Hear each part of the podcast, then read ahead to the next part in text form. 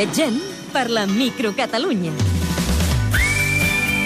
Municipi, Vilamós, comarca, Val d'Aran, habitants censats. 178, Per què anar-hi? perquè és un dels pobles de la vall que millor ha conservat l'arquitectura tradicional.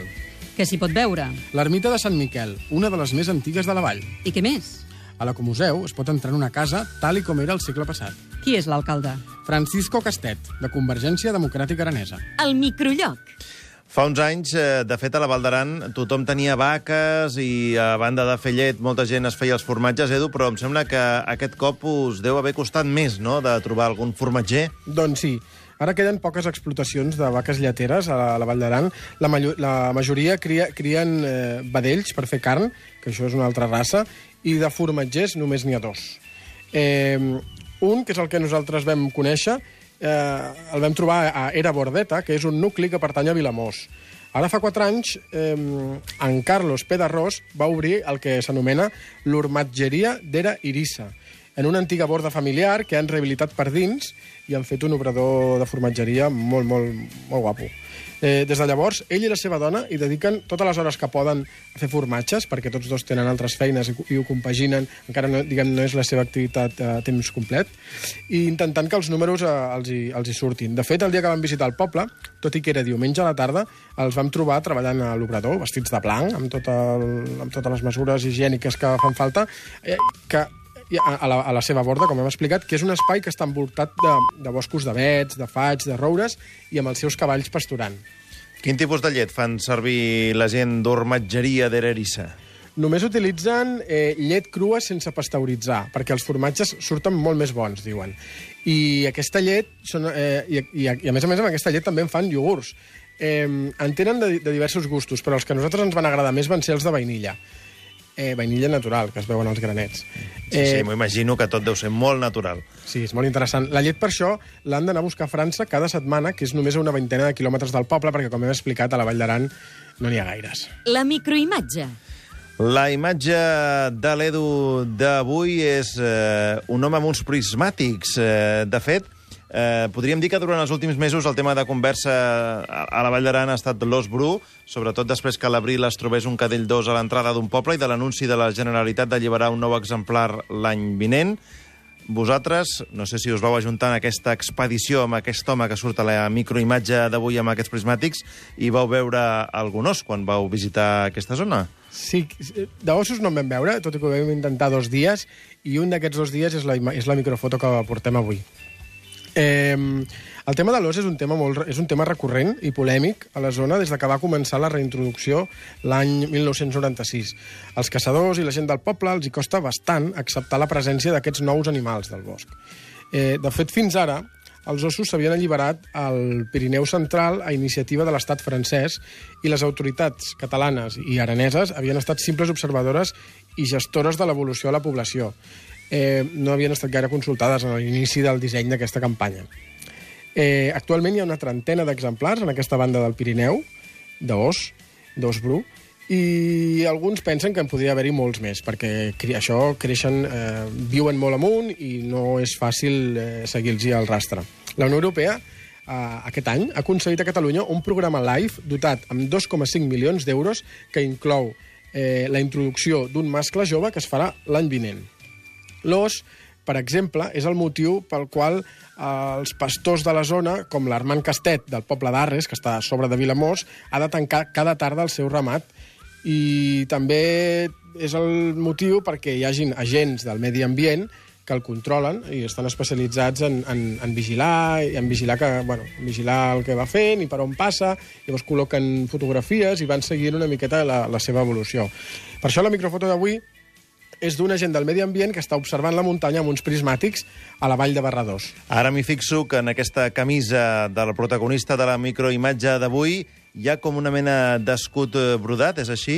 Eh, Edu, això és com un escut? És l'escut de, del cos d'aquest Del d'ambient, del cos d'ambient de, del, del cos de... De gent rurals? De gent rural, del medi ambient, volia dir. Del Departament de Medi Ambient. Doncs Exacte. aquesta imatge que pengem tot seguit al Facebook i al Twitter del programa del Matí de Catalunya Ràdio i podreu veure aquesta imatge que és un record d'aquestes expedicions per retrobar l'os bru que han fet els companys de microcatalunya.cat eh, quan han arribat a aquesta part de la Vall d'Aran. Edu, gràcies. Fins demà. Vosaltres.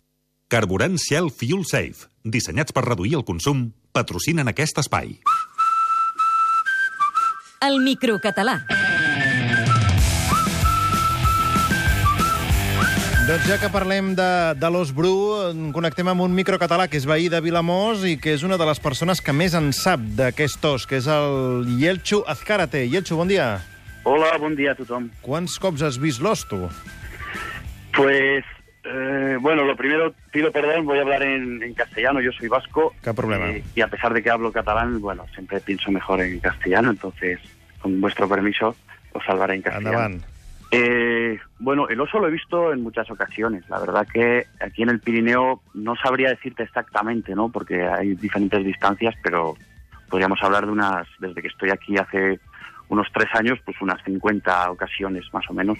De lo fet, habré tu, visto. tu tens una petita empresa que es diu Piros Explorer, que és per fer excursions eh, Sí. per veure'l. Com, com, com ho aconseguiu? És a dir, eh, quina probabilitat hi ha d'anar d'excursió amb tu i veure'l? Bueno, actualmente, actualmente tengo una probabilidad estudiada de un casi 80%, que es mucho. Eh, comparado con otros sistemas, otras empresas que siempre se mueven entre el 5%, 4%. Y, y este, digamos, esta, este éxito tan alto que tenemos nosotros es básicamente por el trabajo. Nosotros antes de que venga una expedición normalmente salimos a la montaña.